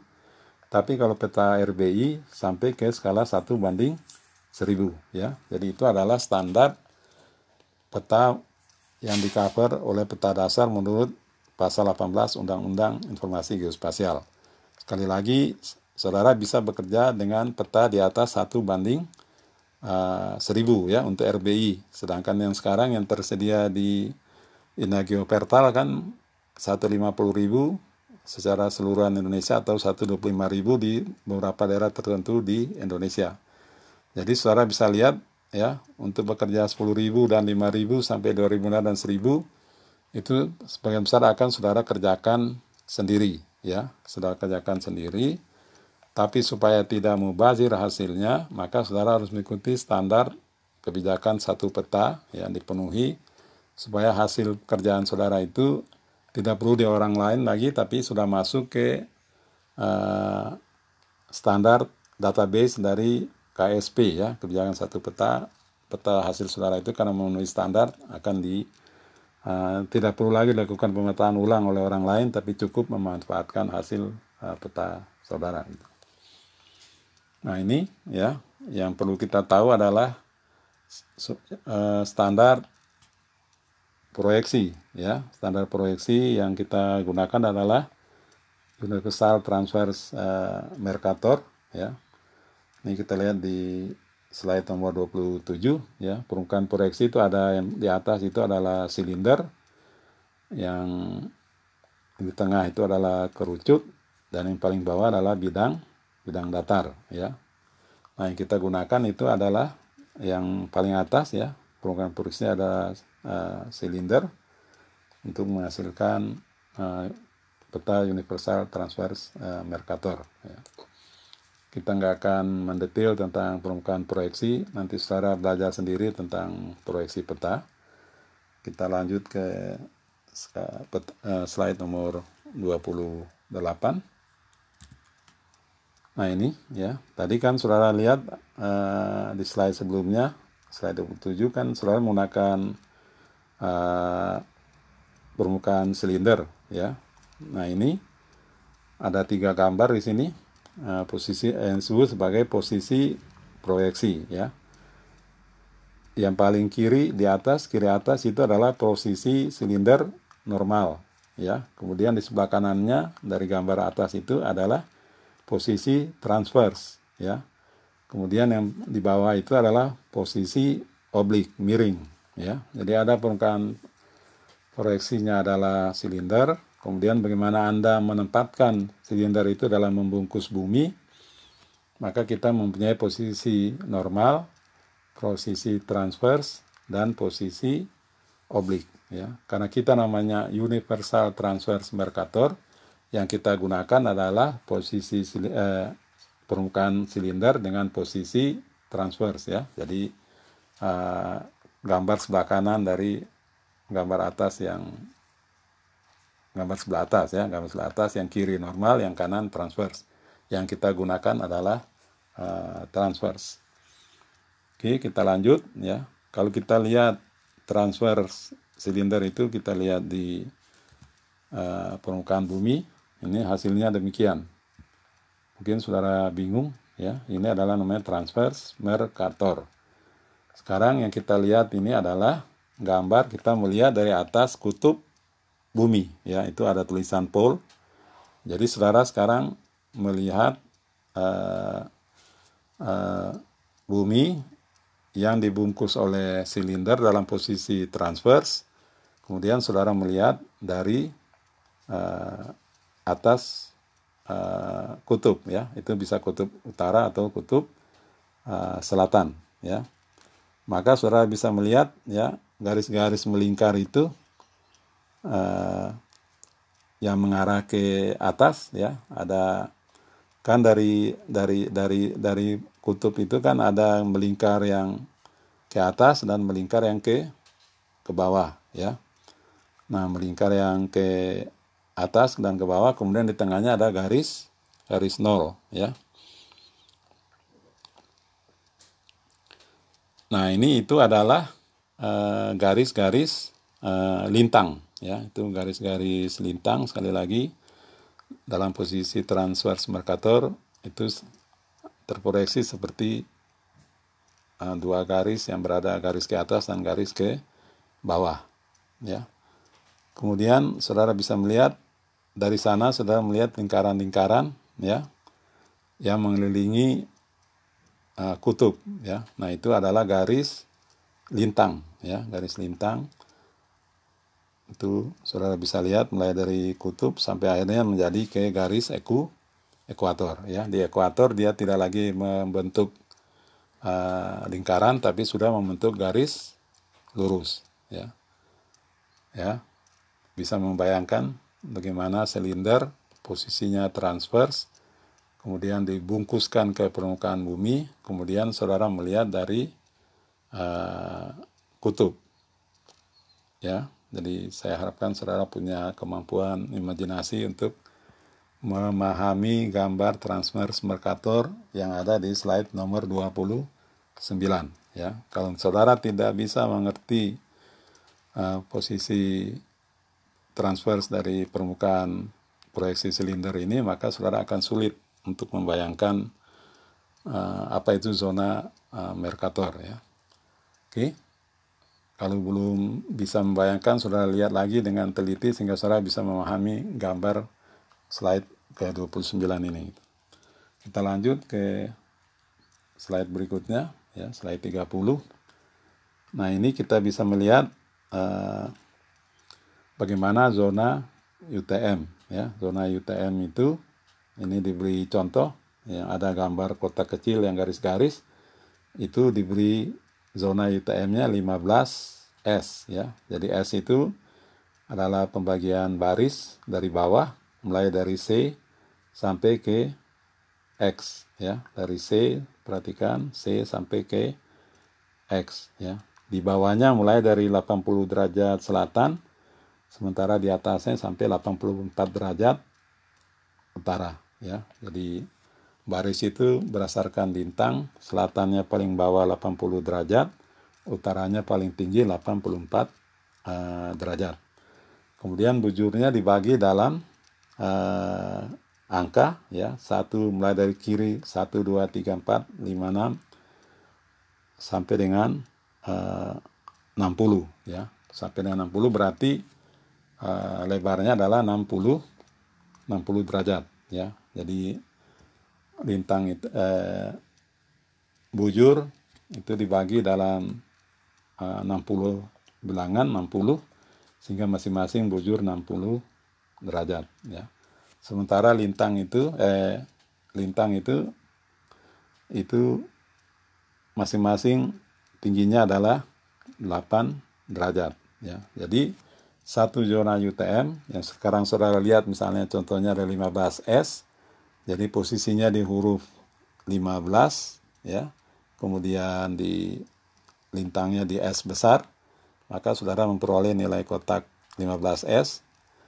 Jadi batas terkanannya adalah 90 derajat west ya. Jadi 15 batas tekanannya 15 west ya.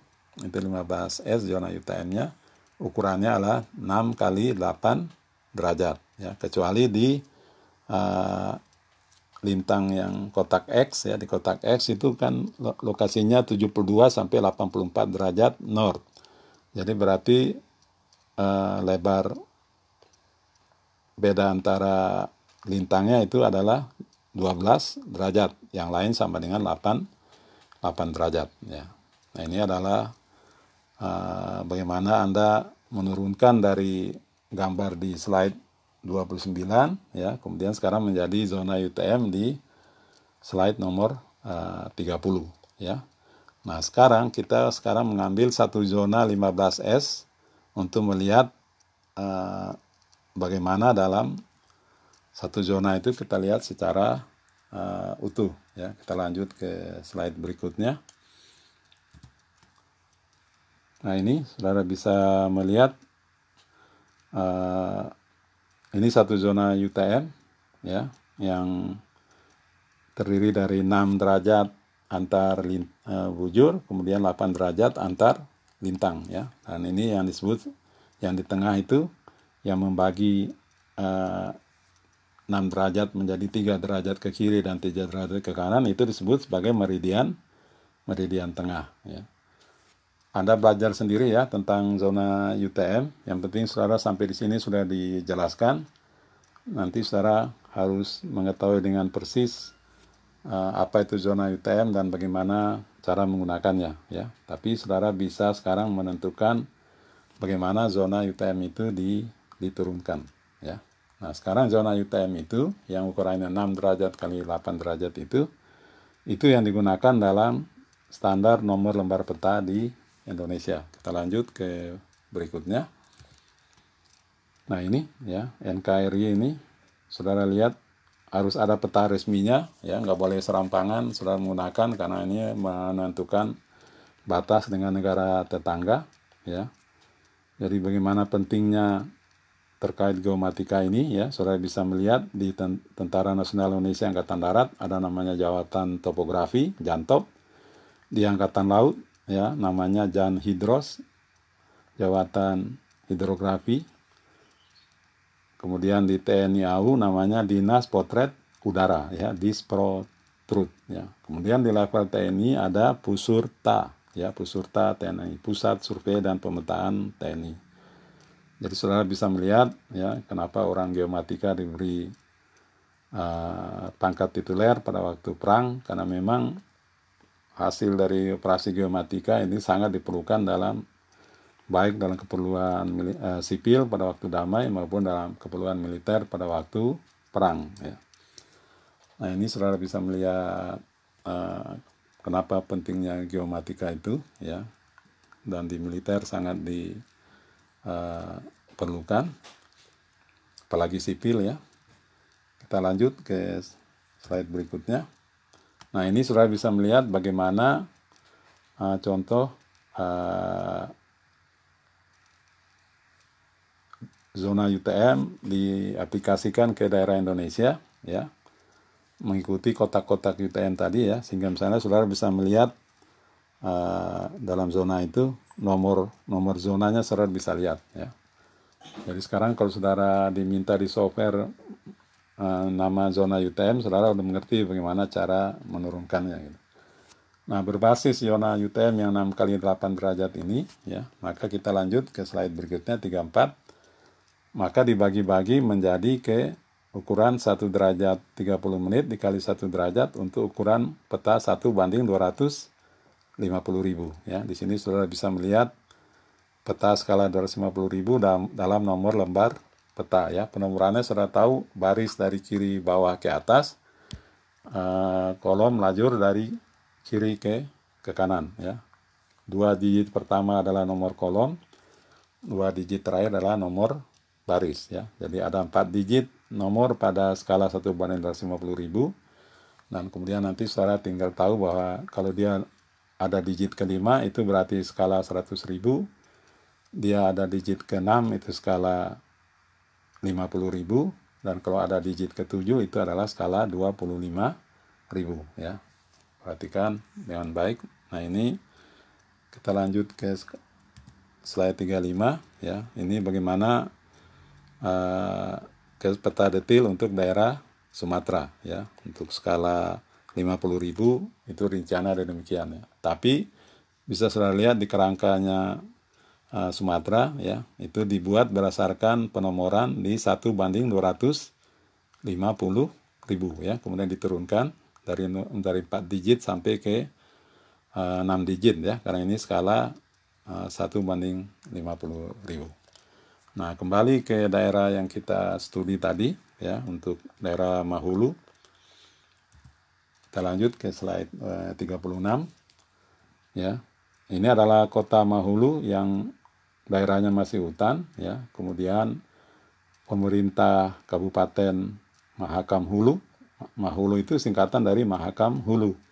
Itu bekerja sama dengan Institut Pertanian Bogor, ya. Sekali lagi bekerja sama dengan Institut Pertanian Bogor ingin membangun dan merancang kota Mahulu, ya. Nah, ini kita lihat uh, daerah yang mau dijadikan kota itu berada di pinggir sebelah kiri sungai dan di sebelah kanan sungai, ya. Tapi yang mau dikerjakan awal itu yang di dalam box merah, ya. Jadi yang kita mau petakan untuk perencanaan kota, areanya berada di dalam kotak uh, merah ya, di sebelah kiri sungai. Karena uh, akan dibiayai dengan anggaran berbeda. Yang pertama mulai dari sebelah kiri sungai, nanti kemudian nanti dilanjutkan dengan di sebelah kanan uh, sungai. Oke ya, jadi saudara sudah melihat, perhatikan bentuk dari uh, daerah yang berada di sebelah uh, sungai. Ingat dengan baik ya, nanti karena kita masuk ke tahap berikutnya. Nah, di tahap berikutnya saudara kan nanti harus menentukan ya. Ini kan kita akan memetakan dengan satu banding lima ribu. Belum ada petanya, hanya saudara yang di sana bekerja. Oleh karena itu, saudara akan merancang kota bekerja di lima ribu. Dari sana baru akan menjadi dasar untuk dipertajam sampai ke peta dengan skala lebih besar. Maka ini di sebelah kiri ada indeks peta Kalimantan ya Saudara harus bisa menentukan nomor lembar peta pada skala 50.000 ya. Skala 50.000 6 digit itu saudara harus tahu nomornya berapa ya. Nanti dari sana baru saudara bisa menurunkan sampai ke skala 1 banding 5000 ya. Jadi di 25.000 saudara mempunyai 7 digit, turun ke 10.000 saudara punya 8 digit ya. Turun ke 5000 saudara mempunyai 9 digit ya. Jadi nanti nomor peta saudara itu akan terdiri dari 9 digit. Kemudian saudara perhatikan ya. Ini daerah yang tadi ingin kita survei itu kan berada di sebelah kiri sungai ya. Ini saudara bisa lihat di gambar yang lebih kecil kotak-kotak ini. Ini adalah kotak uh, batas lembar peta yang saudara konstruksikan sendiri ya. Karena ini nggak ada di yang ada kan hanya sampai ke 25.000 25.000 ke bawah itu saudara harus membuat kotak-kotak ini ya. Kemudian ini saudara mempunyai batas AOI dari uh, daerah yang berada di sebelah kiri sungai yang ingin saudara petakan ya. Jadi ada dua kerjaan eh, tiga kerjaan. Pertama menentukan nomor lembar petanya 9 digit kemudian sudah tahu AOI-nya Kemudian AOI-nya itu di overlay dengan batas di sini dibuat batas peta, uh, nomor lembar peta satu banding 10.000 ya. Jadi kotak-kotak merah ini adalah satu banding uh, 10.000 ya. Sekarang Saudara perhatikan di batas ini yang dalam diberikan dalam uh, kotak biru ya. Ini perhatikan di kotak biru karena nanti kita akan membicarakan lebih detail ya.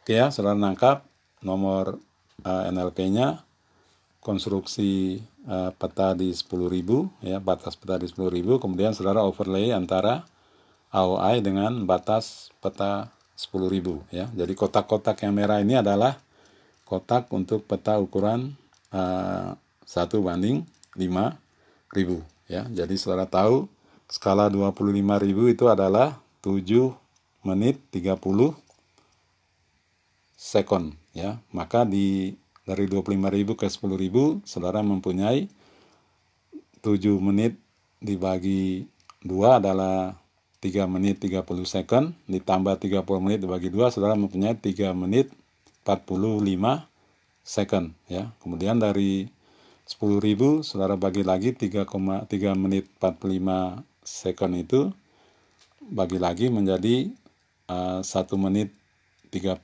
ya. Ditambah 45 menit dibagi dua saudara mendapat 8 nilai secondnya. Kemudian dari second saudara bisa pindahkan ke meter untuk bisa membuat kotak-kotak merah ini gitu ya. Oke ya. Jadi secara teorinya saudara bisa mengikuti cuma secara teknisnya implementasi lain lagi urusannya ya. Bagaimana saudara sampai bisa membuat kotak-kotak merah seperti ini gitu. Jadi jangan menganggap sepele ini kerjaan dengan akurasi yang diperlukan sangat tinggi ya, tidak boleh uh, meleset. Oke ya, jadi sekarang saudara perhatikan di uh, box yang diberi warna biru ini, kita lanjutkan. Slide ke 36, eh, 8. Jadi sekarang saudara punya peta 1 banding 10.000 ya. Jadi 10.000 ini di overlay di daerah peta topografi. Ya, ini topografinya kan mungkinnya 50.000 ya. Kemudian di overlay dengan batas peta yang saudara buat sendiri ya kotak-kotak merah ini kemudian kan yang saudara perhatikan ini di box yang ada warna uh, biru ini ya saudara masih bisa melihat batas AOI yang berada di sebelah kiri sungai. Kelihatan ya batas AOI-nya ini. Ya.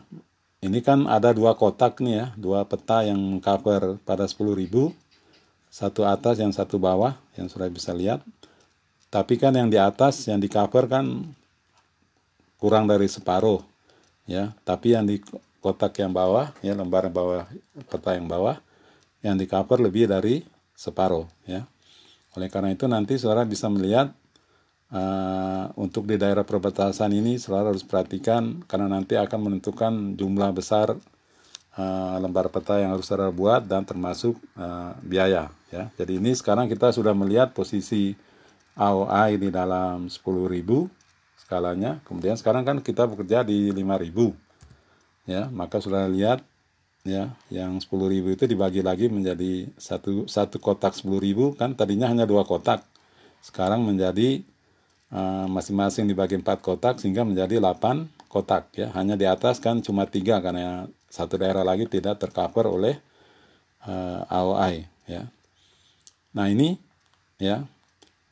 Jadi yang paling kotak paling atas ya kotak 5000 yang paling atas itu kan uh, eh, awalnya kan hanya sedikit yang tercover gitu ya jadi saudara lihat kotak yang paling atas kotak yang uh, di bawahnya dari atas saudara bisa ada lihat dua kotak yang kotak paling kiri areal yang tercover banyak, yang kotak paling kanan areal yang tercover sedikit ya. Jadi dari tiga kotak teratas saudara bisa melihat uh, AOI saudara yang di dalam bar peta itu ada yang sangat sedikit, ada yang hampir lebih dari separuh, ada yang kurang dari separuh ya, tiga itu.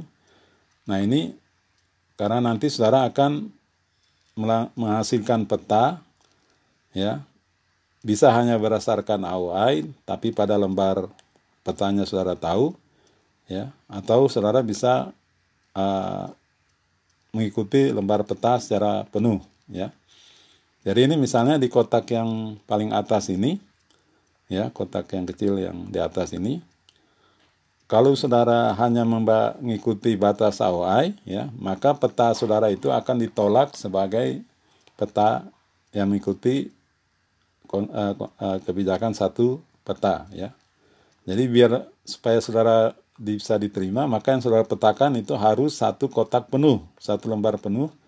Walaupun proyek saudara itu hanya mengerjakan sebagian, ya.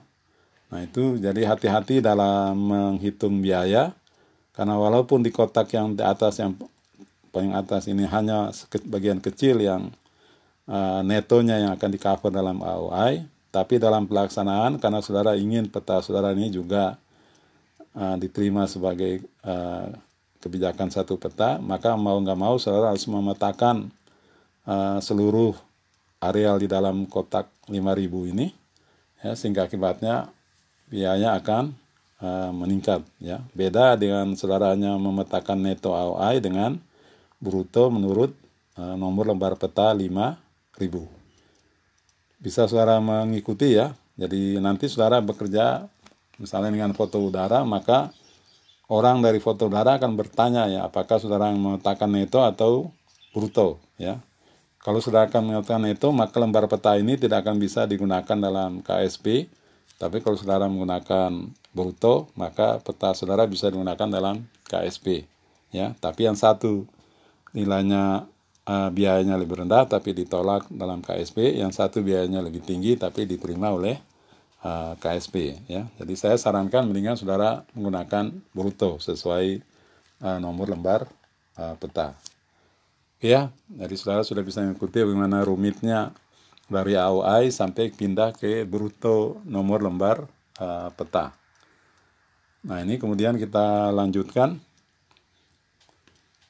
Masih di persiapan ya. Saudara melakukan perencanaan awal jalur terbang ya. Jadi dari uh, slide di nomor 39 tadi ya saudara bisa sekarang menempatkan uh, sesudah tahu neto atau bruto sekarang saudara bisa membuat rencana jalur terbang ya.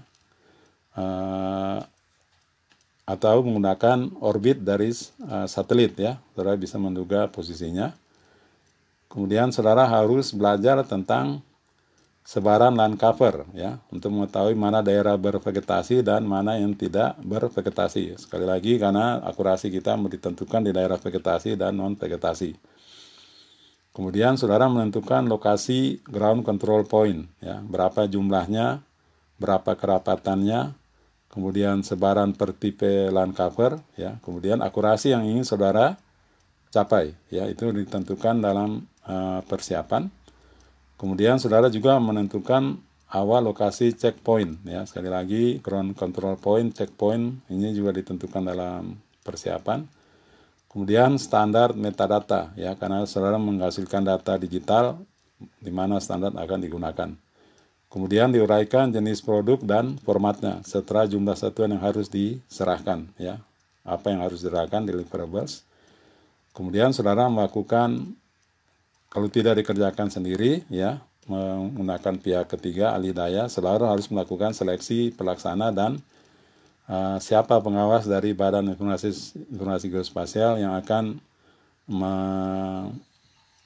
mensupervise kegiatan ini ya supaya sesuai standar KSP ya. Sekali lagi yang pelaksana ini harus memiliki sertifikasi untuk foto sebagai fotogrametris kalau menggunakan foto udara. Oke ya, jadi itu yang persiapan harus dilakukan. Ini adalah sekali lagi sebaran checkpoint ya, yang atau ground control point yang bisa dikenal dengan mudah ya, apakah itu di atas aspal, di atas bebatuan ya, di atas konkrit ya, jalan setapak ya, di atas rumput, di atas uh, rumput yang tinggi maupun di daerah ber, berpohon ya. Itu contoh lokasi-lokasi ground control atau checkpoint ya. Kemudian ini deliverables ya. Anda lihat ini deliverablesnya kalau dia proyeknya adalah proyek menggunakan lidar ya maka yang pertama ini contoh aja ya jadi anda harus minta supaya perusahaan menyerahkan data mass point lidar ya ini ditentukan datumnya ini datum Amerika ya. Kalau kita misalnya kita menentukan datumnya adalah datum horizontalnya apa, datum vertikalnya apa, ya. Kemudian ini formatnya adalah format uh, LAS ya. LAS ini format untuk lidar. Kemudian ini ada uh, catatannya itu vertikal menggunakan datum ini, ya. Yang pertama satu kopi mass point leader ya dalam format LAS. Ya ini sekali lagi format digitalnya format LAS. Kemudian ini digital break line ya dalam digital break line. Kemudian feature dataset ya mana titik-titik yang dijadikan uh, itu ini juga dalam satu file ya dalam standar format ARGIS ya personal geodatabase oke kemudian di sini di catatan datum vertikalnya adalah ini. Ini adalah contoh kalau saudara beroperasi dengan uh, LiDAR. Kemudian satu satu kopi dari kontur ya dengan resolusi satu feet ya. Ini resolusinya feet. Kemudian datum horizontalnya, datum vertikalnya ya di kemudian diberikan dalam format ARGIS ya. Ini format ARGIS bisa format yang lain tapi ini contohnya ARGIS. Jadi perhatikan ya ada descriptionnya, ada resolusinya, ada datum horizontalnya, ada format dan ada catatan untuk datum uh, vertikalnya. Kemudian berikutnya ada survei report ya. Itu dalam dua kopi di sini diminta dua kopi ya. Ini dalam bentuk hard copy cetak. kemudian survei report dalam format PDF satu kopi, kemudian leader processing report itu hard copy sebanyak tiga, leader processing report PDF satu kopi, kemudian vertical akurasi report hard copy PDF-nya diminta juga, kemudian metadata file ArcGIS XML itu dalam satu kopi ya. Ini untuk memberi bayangan apa deliverables yang harus saudara spesifikasikan dalam kegiatan uh, saudara. Oke, jadi yang pertama itu di persiapan sudah tahu apa yang harus saudara lakukan. Tidak sederhana ya. Persiapannya itu harus dari awal sudah memenuhi standar uh, kebijakan satu peta ya agar pekerjaan saudara tidak mubazir. Kita lanjut ke peta slide ke berikutnya. Nah, sekarang di prakuisisi data ya. Itu maka saudara melakukan finalisasi jalur terbang ya atau orbit ya. Kemudian finalisasi land cover ya maupun sebaran ground control point atau uh, checkpoint. Kemudian saudara lihat distribusi checkpoint ya menurut NSSDA maupun ASPRS ya. Jadi distribusinya itu saudara baca detailnya ya bagaimana cara menyebarkannya supaya saudara bisa memenuhi baik standar NSSDA maupun ASPRS ya kali lagi uh, ini semuanya kritikal ya sebelum saudara akhirnya masuk ke tahap selanjutnya yaitu tahap uh, pelaksanaan ya cuma sebelum kita ke sana ya ini ada masih tentang uh, standar NSDA maupun ASPRS ya. Akurasi menurut uh, ground control point ya untuk area tingmarasin ya kalau saudara menggunakan foto udara. Untuk planimetrik ini dari tabel B1 dan B2 SPRS ini pernyataannya Kemudian planimetrik ditambah elevation data, saudara menggunakan uh, standar yang sebelah kanan. Ground control point juga demikian, ya. Jadi ini semua harus uh, saudara amati, ya. Kemudian saudara menentukan lokasi terdekat dari titik jaringan kontrol horizontal nasional atau jaringan kontrol vertikal nasional. Ya, itu harus saudara uh, tentukan agar bisa mengukur uh, ground control point atau checkpoint saudara dengan cara yang efisien. Gitu. Baru saudara melakukan pengukuran lapang untuk ground control point dan checkpoint sebelum melakukan proses akuisisi atau penerbangan. Ya, ini tabel B1 dan B2 ya itu kita lihat di uh, slide berikutnya ya. Itu ada di dokumen nomor 3 ya di akurasi. Tinggal saudara lihat aja. Cuma ini diberi Uh, saudara tahu apa gunanya tabel B1, B2 dalam proses uh, pembuatan informasi geospasial dasar. Nah, dari sana kemudian uh, kita masuk ke akuisisi data, ya, kemudian uh, melakukan operasi, ya, itu di akuisisi data, kemudian ke berikutnya di tahap pengolahan di IM, ya itu bisa interferometri, bisa fotogrametri, bisa lidar. Tapi saudara sudah melakukan quality assurance dan quality control uh, yang pertama ya untuk uh, vertikal ya mencek apakah daerah yang di cover sudah memenuhi AOI atau nomor lembar peta kemudian melihat data elevasi dari Z apakah sudah mendekati uh, quality control atau kualitas surat yang saudara gunakan standarnya. Kemudian saudara melakukan sesudah DM, saudara melakukan pengolahan citra tegak ya, tahap selanjutnya itu membuat ORI atau ortho image ya. Kemudian saudara melakukan quality assurance dan quality control tahap 2 untuk horizontal ya, karena citra tegak saudara lakukan horizontal, kalau DM saudara lakukan uh, vertikal. Nah ini maka saudara sudah punya DM dan citra tegak ya maka sekarang saudara overlay citra tegak ke DIM ya untuk saudara melakukan pengecekan uh, akurasi ya pada waktu finalisasi ya akurasi atau quality assurance quality control tahap 3 untuk horizontal, vertikal dan antar mosaik ya. Antar mosaik dari lembar lembar-lembar foto udara yang saudara uh, turunkan. Ya di finalisasi akhir ya saudara membuat laporan ya sesuai finalisasi ini ada adalah untuk memenuhi apa yang diminta di deliverables ya. Di tabel deliverables tadi kan kita sudah melihat apa aja yang diminta. Itu anda anda siapkan menurut standar itu gitu, ya. Laporannya apa apa produksinya ya kemudian saudara juga uh, memperhatikan uh, quality asuran dan quality kontrolnya sesuai enggak dengan uh, permintaan yang diminta ya. Jadi itu adalah garis besar pekerjaan yang harus saudara lakukan. Sekali lagi uh, saudara mungkin belum membayangkan beban kerja saudara nanti pada waktu sudah saudara lulus ya.